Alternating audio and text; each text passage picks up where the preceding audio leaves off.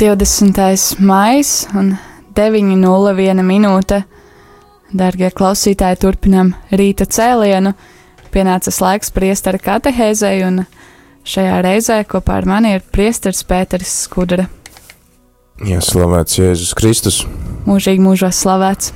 Turpinam uh, rīta katehēžu tradīciju un uh, atgādinu, ka arī jūs varat iesaistīties uh, katehēzēs, tāpat kā īstenībā jebkurā raidījumā jūs varat sūtīt savus jautājumus uz numuru 266 77 272. Bet zvanīt Īziņu veidā zvanīt šodien izrādās, ka sazvanīt mūs var, bet mēs jūs nedzirdam. Ja mēs nesaņemam vēstījumu, Jā, tad uh, iespējams, ka jūs mūs dzirdat pa telefonu, bet mēs, uh, bet mēs jūs nedzirdam. bet mēs vismaz redzam, ka mirgo gaismiņas un ir priecīgāk. Jā, ka, ka vismaz mēs redzam, ka zvana un ka cilvēki, cilvēki seko līdz tam, kas notiek.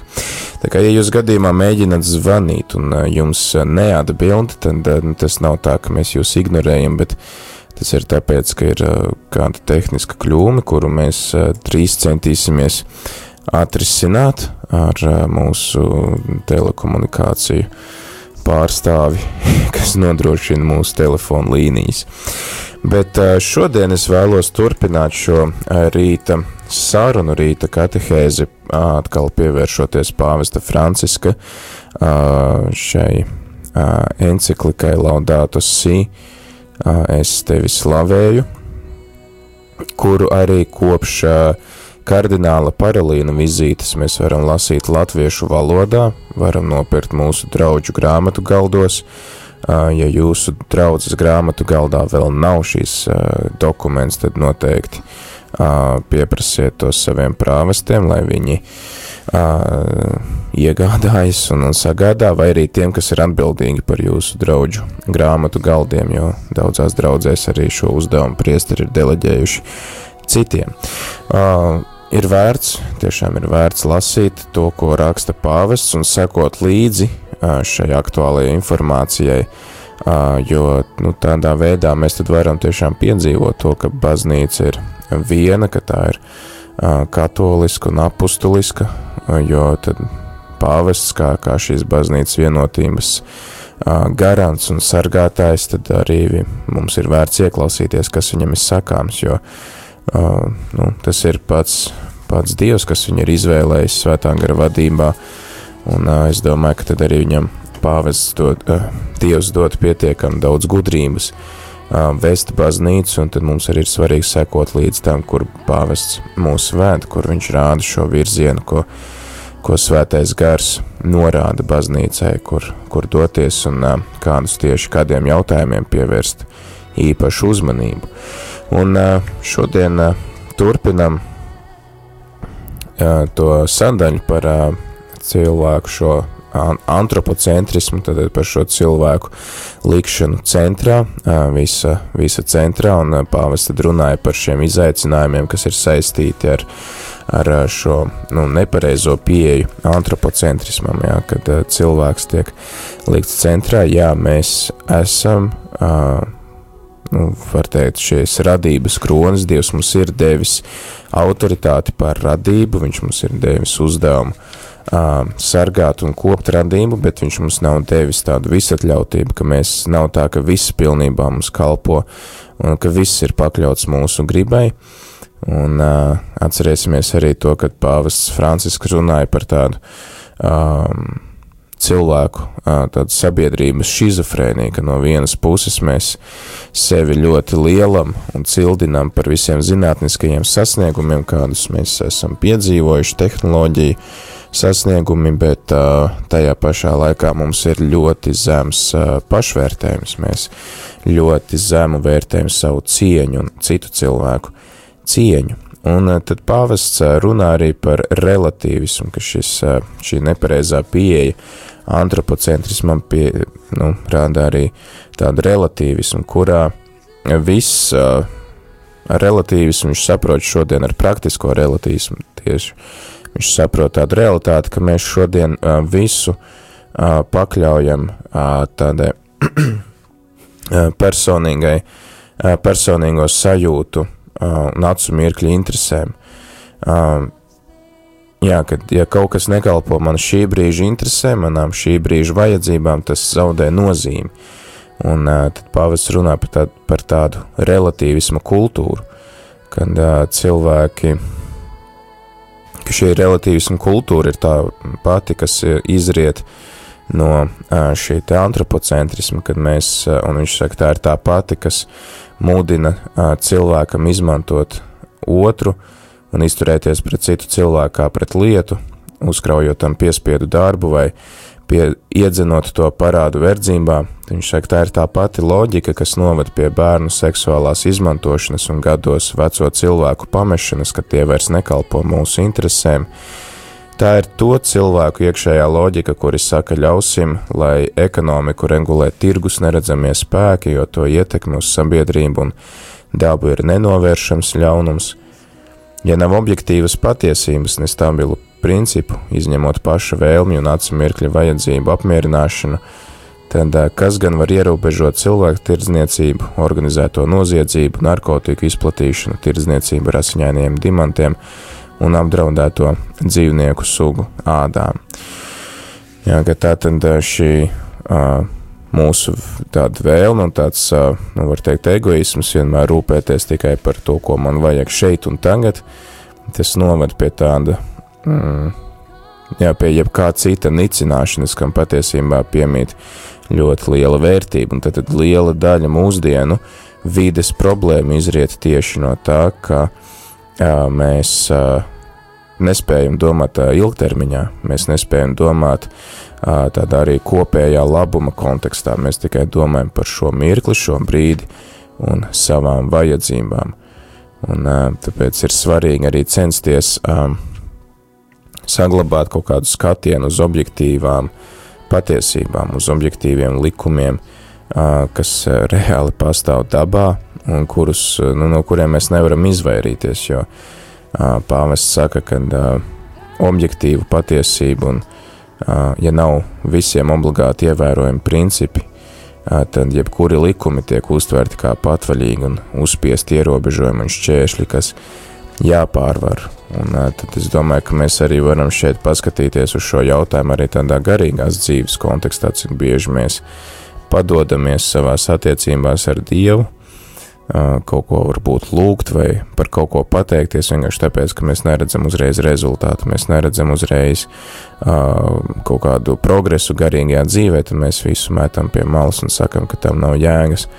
Bet varbūt ir tiešām vērts vienkārši pacietīgi strādāt pie savu tīkumu izkopšanas, pie uh, varbūt cīņas ar savām atkarībām vai pie kaut kādas regulāras lūkšana dzīves izveidas, lai laika gaitā redzētu šo augļu vērtību un redzētu to uh, rezultātu, ko nes šāda prakse, un uh, varbūt mums ir vērts mācīties augt pacietībā, un uh, tiešām arī tad uh, raudzīties un palikt pie tādām objektīvām patiesībām un meklēt meklēt šīs objektīvās patiesības, kas nav balstītas mūsu subjektīvos spriedumos, ko mēs arī bieži vien mēdzam izteikt par citiem cilvēkiem, bet kas izrādās neatbilst, neatbilst patiesībai.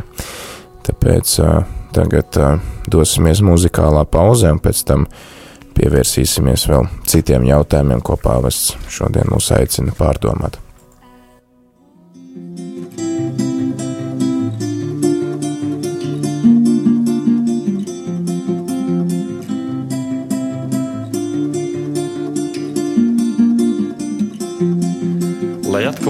Kādu noslēpumu, mums ir jāpazīst lietas, kas mums ļauj atklāt šo noslēpumu.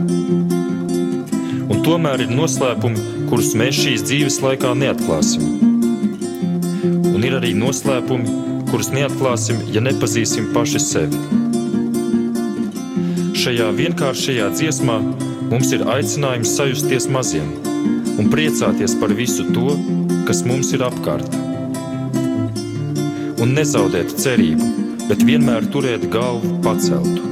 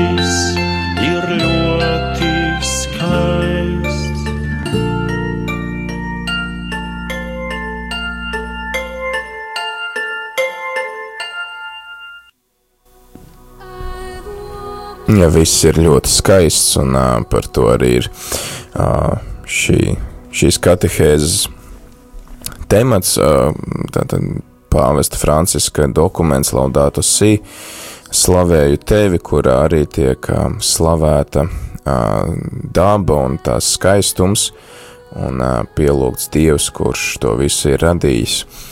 Un tad, tad runājām par šo praktisko relativismu, kas uh, tad, aicina mūs. Šis praktiskais relativisms, kas mūs mudina nu, domāt tikai par savām šī brīža interesēm, un kas līdz ar to noniecina jebko citu, kas nekalpo šī brīža interesēm, bet kas savā būtībā ir kaut kas ļoti vērtīgs un ļoti labs, un līdz ar to arī uh, rodās daudzas uh, sociālas netaisnības un arī daudzas vides problēmas. Tad uh, pāvests turpina kad viņš ir noslēdzis šo īso apskatu par praktisko relativismu, viņš mazliet plašāk pievēršās darba jautājumam, jo runājot par tādu ekoloģiju, kas ietver visu, tad mēs runājam par šo integrālo ekoloģiju, kas tad ietver visu realitāti, visu radīto pasauli mums apkārt, tad ir ļoti nu, rūpīgi jāpievēršās arī darbam, ir jāpievēršās šai darba vērtībai, un arī baznīca visos laikos ir uzsvērusi darba vērtību, un arī pāvestu mācībā, īpaši arī no kopš 19. gadsimta beigām, kad parādījās šīs rūpnīcas un cilvēka darba jautājums bija aktuāls, jo bija ļoti daudz strādnieku, bija Mēs arī no vēstures droši vien zinām, bija dažādas sociālas netaisnības, cilvēki strādāja ļoti ilgi, bez jebkādām sociālām garantijām, ar mazu atalgojumu, bija jāstrādā pat maziem bērniem. Piemēram, Jānim Bosko, svētiem Jānim Bosko bija šī ideja radīt Salesiāņu kongregāciju tieši iemesla dēļ, ka viņš redzēja, kad uz ielām ļoti daudz neizglītoti bērni, kuri savu iztiku pelna strādājot celtniecībā un darot citus smagus darbus, kur viņš redzēja, ka tiem bērniem ir jāspēlējās un, un jāmācās, nevis, nevis jāstrādā pieaugšo darbs. Un baznīca vienmēr ir uzsvērus to cieņu un vērtību, kas ir darbam, un ka cilvēka cieņa bieži vien ļoti cieši saistīta ar darbu. Un tas jau nāk no radīšanas jau no radīšanas laikiem, kad mēs lasām svētajos rakstos, ka uh, cilvēks uh, ir aicināts ne tikai rūpēties par esošo, par to, ko Dievs jau ir radījis, jo viņš ieliek cilvēku radītajā ja šajā dārzā, bet arī, lai strādātu tā, lai tas nestu augļus, tad apstrādātu šo zemi, kultivētu uh, un, un nestu augļus, tad radītu kaut ko jaunu, kad cilvēki, kas uh, tad, tad strādā, strādnieki, amatnieki, viņi ir nepārtraukti līdzdalībnieki šajā nematīgajā radīšanas procesā. Un tas arī ir veids, kā mēs tad esam kļūstam par dieva instrumentu, kas ar vienu kaut ko rada, un ka viņš to dara caur cilvēkiem, caur strādniekiem, caur amatniekiem, caur šo arī radošo darbību. Un tad, tad liela nozīme ir šim pareizam priekšstatam par darbu, un ka tad veid, runājot par mūsu attiecībām ar kaut kādām lietām, ar apkārtējo pasauli, mums arī ir jāpievērš uzmanība mūsu darbības jēgai un mērķim. Ar kādu jēgu, ar kādu mērķi es darbojos, un līdz ar to arī es varu secināt par uh, savām attiecībām ar apkārtējo pasauli. Un uh, pāvests arī runāja, ka jebkuras darba formas pamatā ir ideja par attiecībām kuras eh, mēs tātad veidojam, vai kuras ir jāveido ar kādu citu, vai tas būtu otrs kolēģis, otrs cilvēks, vai tā būtu apkārtējā daba, eh, kurā mēs darbojamies. Un eh, tāpēc pāvests, runājot par darbu, viņš pievēršās klosteru dzīves tradīcijai. Ir tāds neliels komentārs par, par klosteru dzīvi kad sākumā viņš varbūt runā par to, ka sākumā cilvēki kā bēga no pasaules, viņi bēga tuksnesī, jo viņi redzēja pilsētās varbūt kaut kādu pagrimumu, kaut kādas negācijas, un viņi domāja, ka tāds pilnvērtīgs attiecības ar Dievu var veidot tuksnesī, kur neviena apkārt nav. Bet uh, tad nāk Benedikts no Nursijas, un patiesībā jau pirms viņa mūki bija sapratuši, ka ir jāveido kopienas, kad nevar cilvēks pilnībā viens pats dzīvot, viņš var arī nomaldīties savos šajos garīgajos meklējumos. Tāpēc pamazām, pamazām viņi sāk veidot kopienas, un Benedikts no Nursijas bija, kas to pacēla tādā jaunā līmenī, kad viņš aicināja tad, tad mūkus, ordeņa brāļus dzīvot kopienā un apvienot lūkšanas un studijas ar roku darbu. Un eh, tad pāvests saka, ka šī ar garīgu jēgu piepildītā roku darba ieviešana izrādījās revolucionāra, kad uh, mūsu, uh, mūsu centieni pēc personīgas izaugsmas un svētuma īstenojas iekšējā sakopotībā un, un darba miedarbībā, ka tātad mēs, darbs viņš kļūst par līdzekli ceļā uz svētumu, darbs kļūst par uh, kaut ko, kas mums palīdz apbrīnot apkārtējo pasauli, to novērtēt, uh, un izturēties ar cieņu pret to. Un ka tas arī kļūst par līdzekli mūsu ceļā uz svētumu, mūsu ceļā, teiksim, attiecībās ar Dievu, attiecībās ar citiem cilvēkiem. Un tad pāvis arī saka, ka šī spēja kontemplēt, šī spēja apbrīnot, ir cieši saistīta ar darbu, un ja mēs zaudējam spēju cienīt, spēju apbrīnot, kontemplēt, tad arī pielūgt Dievu un, un apbrīnot Dievu, apbrīnot viņa radīto dabu, tad arī zūd, tad arī, teiksim, darba jēga tiek izkropļot un tā mērķis varbūt arī tiek sagrozīts. Un pāvests uzsver to, ka darba mērķis ir personīgas, personas daudzpusīga izaugsme, kurā ir iesaistītas daudzas dzīves dimensijas - radošums, nākotnes plānošana, spēju attīstīšana, savu vērtību iedzīvināšana, sazināšanās ar citiem, dieva pielūgsme. Un tāpēc prioritārais mērķis mums joprojām ir iespējas atrast vai saglabāt darbu, tad nodrošināt to, lai pēc iespējas vairāk cilvēku varētu strādāt cienīgu darbu, kas būtu saskaņā ar viņu cilvēcisko cieņu. Un tad pāvests arī tālāk runājot, viņš apskata to, ka ir, nu, tomēr jāizvairās varbūt no tā, ka mēs tik ļoti tiecamies šo tehnoloģisko progresu, lai aizvien aizstātu cilvēku darbu, lai it kā nu, no tā uzņēmēja darbība kļūtu izdevīgāka, mazāk algas jāmaksā, vairāk viss ir automatizēts. Tomēr pāvests uzsver to, ka darbs ir nepieciešamība un viens no šīs dzīves jēgas nosacījumiem. Un tas arī palīdz sasniegt cilvēcisko briedumu, un cilvēks patiesi savu spēju, savu cieņu var izdzīvot pateicoties darbam, tāpēc mums ir jāmeklē iespējas, kā nodrošināt darba vietas cilvēkiem, kā radīt arī tādu labvēlīgu vidi, arī kaut kādai mazajai uzņēmēji darbībai, privātajiem uzņēmējiem, kas arī rada papildus darba vietas un kas pieiet kaut kādai raž ražošanai radoši. Un līdz ar to cilvēki var pēc cilvēki var nu, vairāk dzīvot saskaņā ar savu cieņu. Viņš saka, ka arī finansiāla palīdzība nabagiem arī ir tikai tāds nu, ārkārtējs risinājums, bet patiesībā tas normālais risinājums būtu cilvēka cieņai atbilstošs darbs visiem.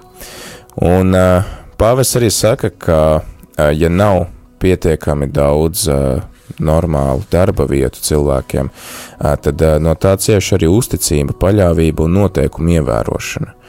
Un tad pāvis saka attei, atteikties no ieguldījumiem cilvēkos, lai tikai tūlīt gūtu lielāku peļņu, tas sabiedrībai ir ļoti neizdevīgs darījums, jo pāvis tad arī norāda uz dažādiem procesiem, ka um, šis bezdarbs viņš arī grauj visu, īstenībā arī sabiedrību un grauj uzticību pastāvošai iekārtai, un līdz ar to arī uh, tad, uh, patiesībā arī visa, visa šī ekonomiskā sistēma uh, cieš no tā. Tad, tad uh, tas var likties tāds, nu, šeit un tagad tāds neizdevīgs uh, darījums, maksāt kādam algu, bet ilgtermiņā tas attīstās kaut vai ar to, ka ir uh, sabiedrībā miers un ir uzticība un kaut kāda arī harmonija starp cilvēkiem. Un, uh, jā, tad pāvests arī runā par šo uh, ražošanas dažādošanu un radošu pieeju uzņēmēju darbībai. Viņš arī saka to, ka ir, uh, viņš atsaucās uz pētījumiem, kad maza apjoma pārtikas ražotāju sistēmas, kas izmanto nelielus zemes un ūdens resursus, un radot maz atkritumus nodrošina ar pārtiku lielāko daļu pasaules iedzīvotāju. Tas nozīmē, ka mēs esam aicināti tomēr attīstīt šo mazo pārtikas ražotāju uzņēmēju darbību. Un arī, starp citu, Latvijā ir lambas, lambas iniciatīvas, kas, piemēram, pērk patiešo no pārtikas ražotājiem, patiešo no zemniekiem dabīgu pārtiku. Un varbūt tā ir mazliet dārgāka, bet tāpat laikā mēs atbalstam savus vietējos zemniekus un ēdam veselīgāk atkal tagad varbūt es jā, maksāju vairāk, bet ilgtermiņā tas man atkal atmaksājās. Un, jā, tad arī pāvests aicina varas iestādes un rūpēties un veikt nepieciešamos pasākumus, lai attīstītu mazos ražotājus un varbūt pat arī ierobežojot lielo ražotāju uzņēmēju darbību, kuriem ir ļoti daudz resursi un varas, bet kas varbūt traucē citiem cilvēkiem attīstīt savu biznesu. Un pāvis arī saka, ka uzņēmēja darbība ir cildens aicinājums radīt bagātības un panākt, lai visiem pasaulē būtu labāk. Un tas arī viņš atsaucās, tad, ka tas ir viens no līdzekļiem, kā tiek radītas darba vietas, un šo darba vietu radīšana ir būtiska nozīme, lai kalpotu kopējam labumam. Tā kā tie, kas vēlās uzsākt uzņēmēju darbību, lūdzu dariet to, Tas ir, kā pāvis saka, cildens aicinājums, un tad arī, lai jums, lai jums izdodas. Tik daudz par darbu, tagad mazliet atpūtīsimies un turpināsim katehēzi tālāk.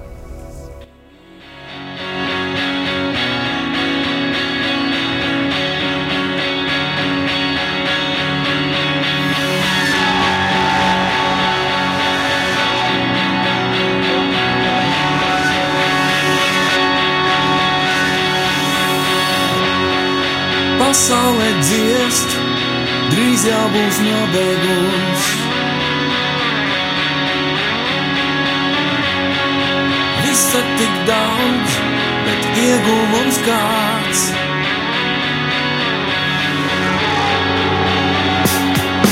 Meklējam mēs, vai ir atbildēts jautājums.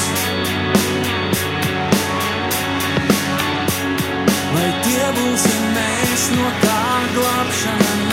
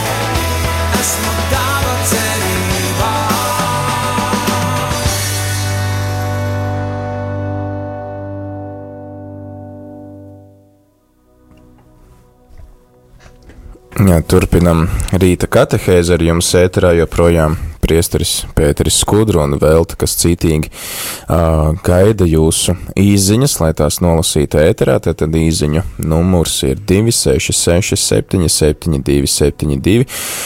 Diemžēl tehnisku iemeslu dēļ zvanus šodien pieņemt nevaram, Numurs 8809 strādā, bet mēs nedzirdam, ko mums saka. Šīs problēmas tiks risinātas. Un uh, turpinām, bet tātad jūs varat turpināt uzdot jautājumus uh, īziņu veidā.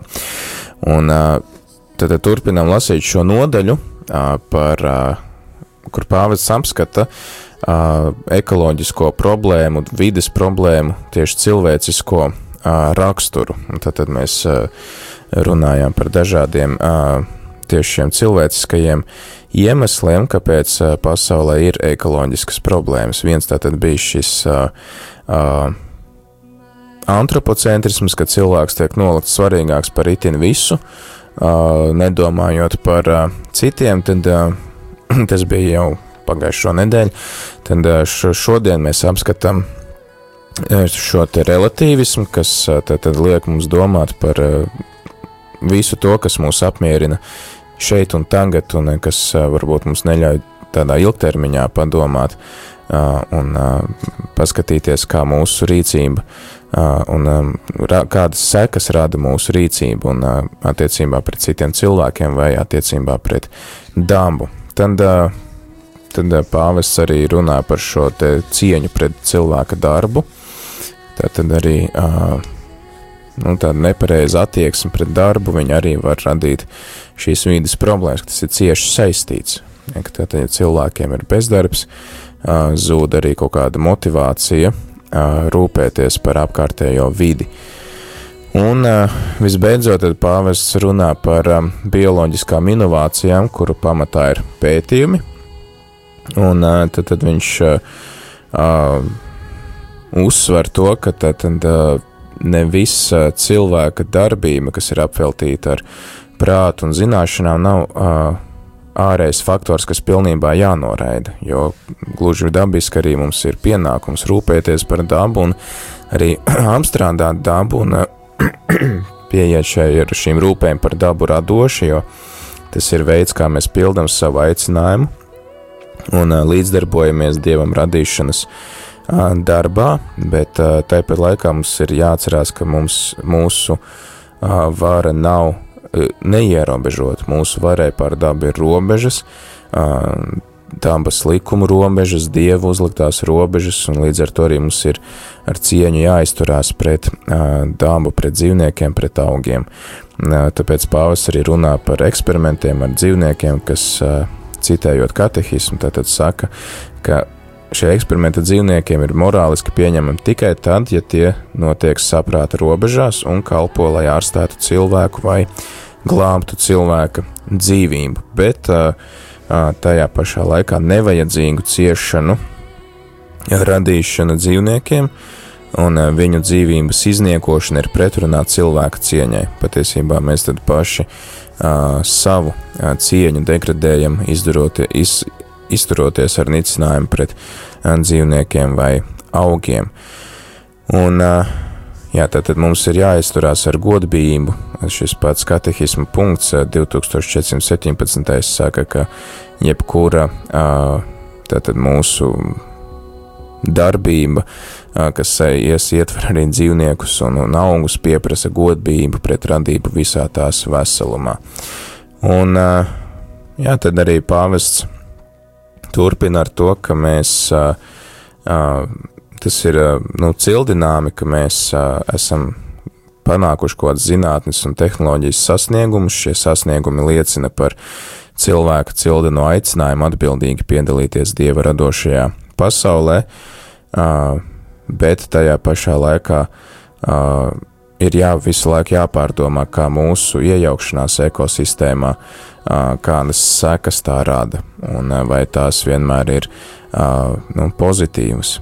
Un tad arī pāvests runā par to, ka mums ir tātad jādomā par saviem darbības mērķiem, par darbības sekām, un visiem ētiskajiem ierobežojumiem, kas ir saistīti ar mūsu darbošanos. Un, jā, te atkal mēs redzam šo ticības saikni ar prātu, kad šīs abas realitātes papildina vienu otru un iet abas kopā. Ka mēs nevaram mūsu ticības dzīvē izslēgt prātu, bet tāpat laikā prāts arī nevar viens pats pastāvēt bez kaut vai šiem morāliskajiem spriedumiem, ko piedāvā ticība. Un tad pāvests arī īpaši pievēršās ģenētiski modificēto organismu jautājumam. Viņš saka, ka šis jautājums nav tāds viennozīmīgs, jo arī līdz nu, tā, nav tādu uh, uzticamu uh, vēl spriedumu par to, ka tas tiešām ir pilnībā kaut kas slikts un nevajadzīgs, jo nu, pāvis saka, ka tas pieprasa atsevišķu pieeju.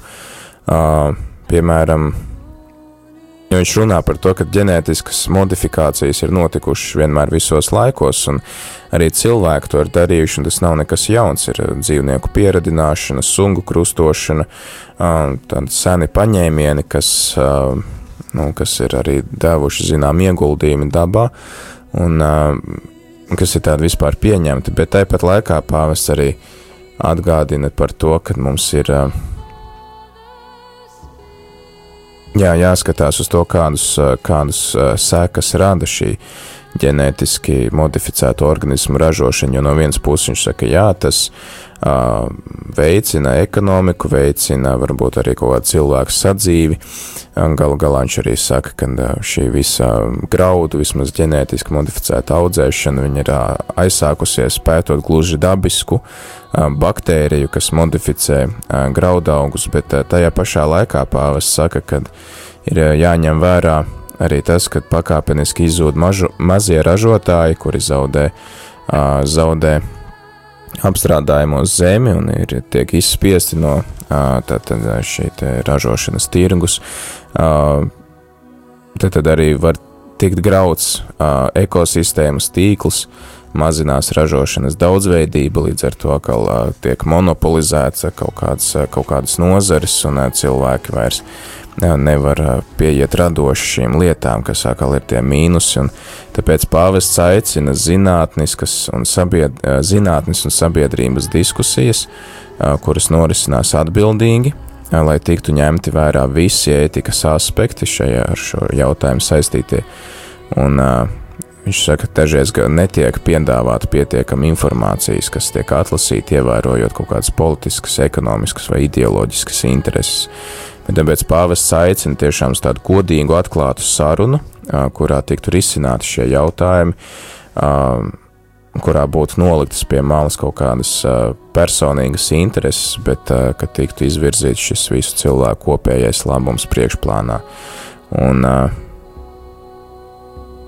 jā, tik daudz varbūt par šīm te uh, cilvēku izraisītajām uh, vai, teiksim, cilvēku rezultātā uh, radušāmies pa problēmām uh, vidē, vidas aizsardzībā. Uh, pāvests arī noslēdz šo nodaļu, apskatot dažādus, uh, dažādus uh, šos izaicinājumus, ko rada varbūt paši arī cilvēki. Viņš saka, ka jā, ir daudz cilvēku, kas arī rūpējās par kaut kādu nu, zinātnisku ierobežošanu vai pētniecības ierobežošanu, kas kaitē dabai, kas tātad rūpējās cilvēki, kas rūpējās par vidi, bet tajā pašā laikā viņš saka, mani uztrauc tas, ka tiek aizmirsts par embriju, par eh, cilvēka cieņu, kas eh, ir neatkarīgi no tā, kādā attīstības stāvoklī atrodas eh, cilvēciskā būtne. Un viņš saka, ka mēs nevaram, nu, nevaram attaisnot šo robežu pārkāpšanu, kad mēs cīnāmies par to, lai netiktu eksperimentēts uz dzīvniekiem, bet tajā pašā laikā pieļaujam, ka tiek eksperimentēts ar embrijiem. Tā kā tomēr šī cilvēciskā cieņa, nu, viņa tomēr ir, ir mums jāņem vērā kā primārā, un eh, tad arī pārējais, bet eh, mēs redzam arī šīs nodaļas kontekstā, kad eh, cilvēka cieņa ir cieši saistīta ar to, kādu cieņu viņš parāda dabai. Ja pat arī katehisms saka, ka necienīga izturēšanās pret dzīvniekiem, viņu mocīšana arī ir pretrunā cilvēka cieņai.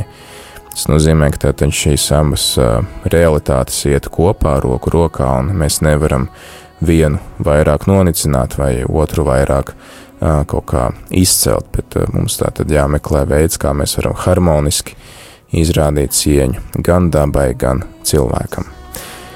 Tad uh, aicinu, aicinu rakstīt īsiņas, uzdot jautājumus uz numuru 266, 77, 272, lai mēs tad kopā varam arī uh, veidot šīs katehēzes saturu un dalīties ar savām idejām un saviem jautājumiem.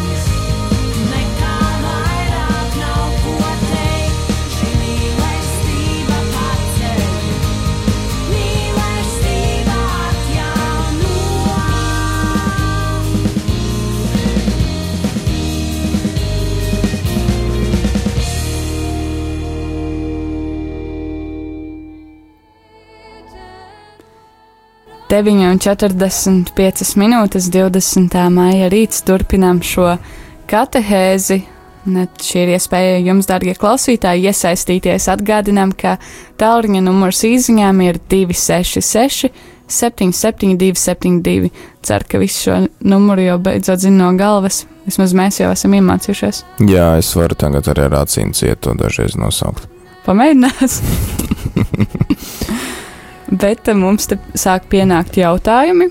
Tad eh, pirmais jautājums, ko esam saņēmuši, ir šāds. Uz, uz ko labāk pārbaudīt parfumērijas līdzekļus - dzīvniekiem vai cilvēkiem, jo visi tagad uzsver, ka produkts nav testēts uz dzīvniekiem. Jā, es ā, šo jautājumu izlasīju, paspējām izlasīt pirms, pirms dziesmas, un, godīgi sakot, ā, es nezinu, uz ko viņi pārbauda, bet ātri apskatoties arī internetā, kaut kādās mājaslapās, piemēram, Human Society org, ā, viņi raksta, ka tā tad ir iespējas, kā var pārbaudīt kosmētiku, nepārbaudot to uz dzīvniekiem, kad, piemēram, lietojot sastāvdaļas, kas jau ir pārbaudītas un zināms, ka tās ir cilvēkam nekaitīgas un drošas. Ka tā tad nu, no iepriekšējiem, balstoties uz iepriekšējiem pētījumiem, tad rūpnieki var izmantot tādus līdzekļus, kas ir zināms, ka šis līdzeklis cilvēkam nekaitē. Bet, jā, nu es, es domāju, ka te ir jāņem vērā tas tiešām tas katehisma ieteikums, ka, protams, mēs tagad eh, neeksperimentēsim uz cilvēku, bet ja ir kaut kas, protams, ja mēs varam izmantot šādus līdzekļus, kā, kā piedāvā šie cilvēki, kas aizstāv dzīvnieku tiesības, tad, protams, ka mēs esam aicināti izmantot vispirms šādus līdzekļus. Bet, uh, nu jā, tas uh, nav tā, ka tagad, uh, ja, ja, piemēram, ir kaut kādas jaunas zāles, nu, viņas uh, uzreiz uz cilvēku neizmēģinās, viņas, protams, ka izmēģinās uz kādu dzīvnieku, bet uh, tik ilgi, kamēr tas eh, nepārkāpj nu, kaut kādas saprāta robežas. Jo nu, tomēr tā radītā pasaule mums kalpo. Un, uh, mēs viņu nedrīkstam sev pakļaut, mēs viņu nedrīkstam kaut kā nonicināt, uh, bet arī nedrīkstam tagad tik ļoti iestāties par to um, dabas tiesībām, ja, kad uh, no tā var būt beigās arī cieši paši cilvēki. Ja pievērsīsimies nākamajam saņemtiem jautājumam, kā izturēties pret cilvēku, kas negrib strādāt, bet veģetē uz citu rēķina, vai turpināt viņu barot vai noraidīt. Šis cilvēks regulāri nāk uz lūkšanu kopienu. Veģetē.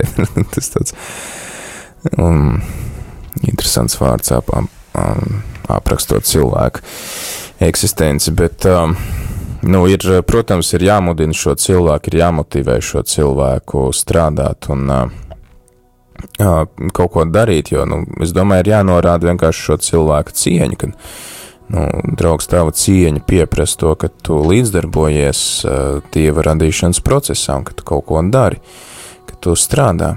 Tas ir veids, kā tu sevi realizē, darbojies saskaņā ar savu cieņu. Un, protams, mēs nedrīkstam tagad ļaut uzsēsties sev uz kakla, un, un, un kad cilvēks tikai izmanto mūsu darbu, mūsu augļus, ka mēs viņam mudinam, nu, dodam kaut kādus uzdevumus. Var gadīties gluži vienkārši, ka šis cilvēks, nu, nespēja atrast darbu, un es domāju, ka tie, kas strādā, uh, nu, kaut kādās iestādēs, kas palīdz cilvēkiem meklēt darbu, es domāju, viņi saskārušies tādām situācijām, ka tas cilvēks, viņš tiešām no sirds meklē, viņš sūta vienu CV pēc otra, bet nu, viņam nesanāk. Un, protams, ka mums ir jāatbalsta šos cilvēkus, bet Nu, jā, kā arī pāvests saka, ka nu, kaut kāda finanšu došana, trūkums ietējums tikai tāds laik, laicīgs tāds uh, risinājums, bet ir nepieciešams tad meklēt šo darbu. Un, un, uh, nu, var atbalstīt šos cilvēkus atkal, lai nav tā, ka mēs tagad viņu vietā meklējam darbu, bet mēs viņus atbalstam un mēs viņus mudinam to darīt. Bet arī, ka mēs, protams, viņus neatstumjam pilnībā, jo nu, tas cilvēks var arī pavisam ieslēgt kādā depresijā. Un, Un tas rezultāts var būt vēl briesmīgāks beigās. Tā kā tur ir tāda tiešām jālūdz tāda gudrība no Dieva un, un uh, nu, kaut kā jā, jāmeklē, kaut kā jāmeklē šīs iespējas. Zinu, ka laukos, piemēram, ir cilvēki, nu, tur, kas prasa, piemēram, naudu un tā, un tad lauka cilvēki tā ļoti gudri, viņi saka, nu, tu man atnāc nopļauj zāli. Jā, vai, vai atnāc uh, savāc tur sienu, vai vēl, nu, dod kādus uzdevumus, un tas cilvēks ir nu, nopelnījis to naudu. Viņš, viņš ir nopelnījis tavu palīdzību, un uh, viņš ir strādājis, viņš ir kaut ko darījis. Tas ir veids, kā mēs varam risināt šo jautājumu. Ja tad savā ziņā saistīts nākamais jautājums. Kā apvienot kvalitāti un žēlsirdību, jo darbam vajag produktīvus cilvēkus, bet, ja nespēj pildīt kritērijus, atlaižot, tu viņam atņem finanšu līdzekļus. tāds ļoti aktuāls jautājums. Uh, es domāju, ka tiem, kuriem uh, nu, Dievs ir devis uh, autoritāti un uh, varu vadīt, es domāju, ka tiem, viņš, uh, tiem cilvēkiem īpaši tad arī ir jālūdz šo gudrību, uh, lai uh, tiešām kaut kādi ekonomiski procesi mums neizrādās svarīgāki par cilvēkiem, kas pie mums strādā. Bet tajā pašā laikā, lai arī nav tā, ka ir kāds cilvēks, kas ar savu darbu vai nu, drīzāk ar, ar kaut kādu tādu nu, nestrādāšanu, ja ka viņš degradē arī pārējo cilvēku darbu un cieši no tā visa, uh, visi kolēģi, visa, visa šī kopiena, kas, teiksim, ir radusies uh, šajā darba vietā. Uh, tur, es domāju, ir jāskatās katrs, katrs gadījums atsevišķi, un, uh, protams, kad uh, mēs nevaram tagad, nu, žēlsirdības vārdā ļaut cilvēkam darīt, ko viņš grib darba vietā, lai pārējie tagad no tā cieš, bet, uh, ka mēs, uh, nu, cilvēkam, ja viņš veic slikti savu darbu, mēs viņam liekam to saprast, kad viņš veic slikti savu darbu no tā cieši, arī pārējie kolēģi, kuriem varbūt pēc tam ir nu, dubults darbs, atrisinot visus jautājumus, kas uh, ir radušies uh, slikta darba rezultātā.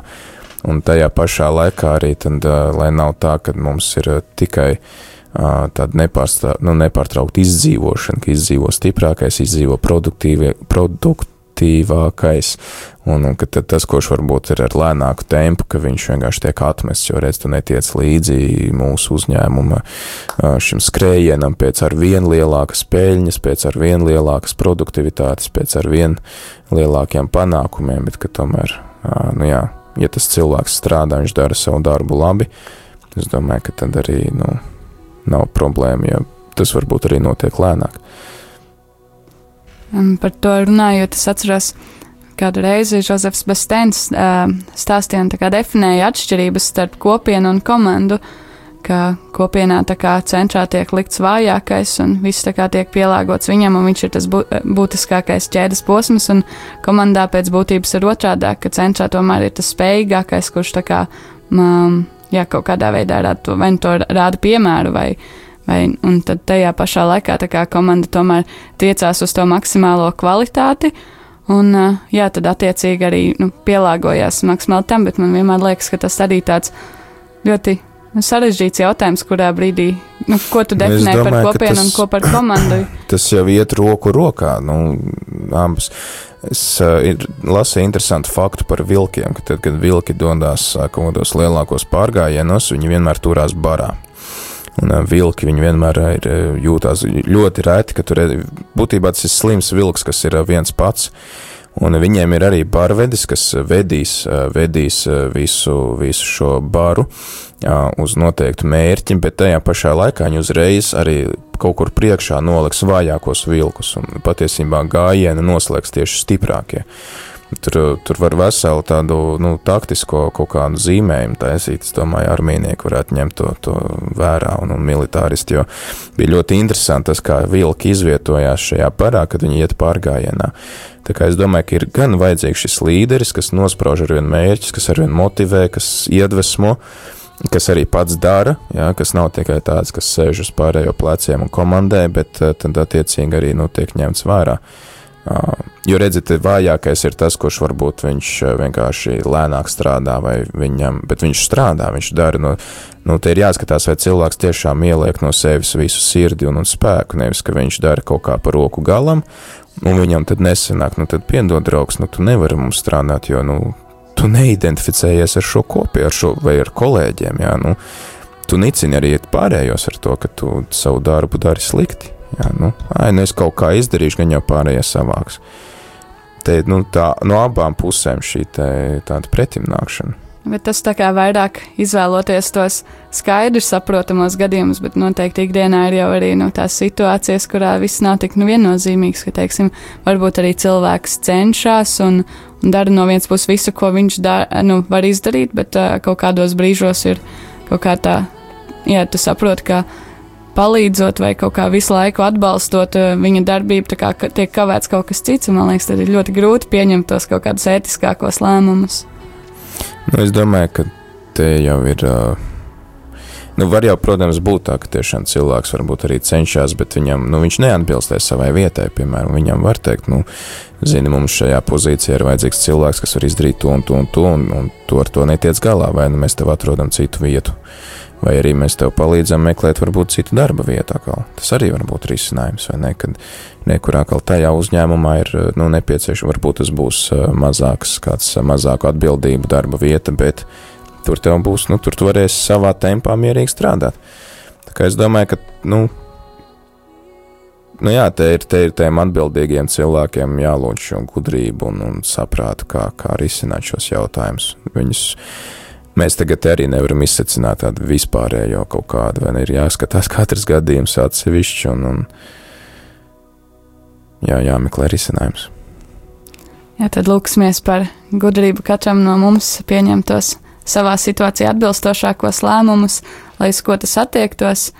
Un tad izmantosim lūkšanai laiku pēc pulkstens desmitiem, kad būs kopīga litānija. Tagad paldies tev, Priester Pēter, par katehēzi, par atbildēm uz jautājumiem. Paldies arī tiem, kas uzdod jautājumus. Citādi būtu pavisam skumīgi. Kā reiz kaut kas atnāca. Te ir, ah, tas ir vairāk komentārs, tad Jākaba otrā nodaļa, 1 līdz 9 pants. Māca mūsu sapulces kopienas cilvēks neuzlūkot pēc viņu stāvokļa bagāts nabaks. Jā, nu tā ir. Visiem tā cieņa vienāda. Arī tam, kurš nav piedzimis. Un arī tam, kurš jau ir vecs un, un vairs neko nevar izdarīt. Jā, paldies par komentāru. Tad eh, laiks noslēgt katehēzi, un tad tiekamies priesteru katehēzē pirmdien, vai ne? Jā,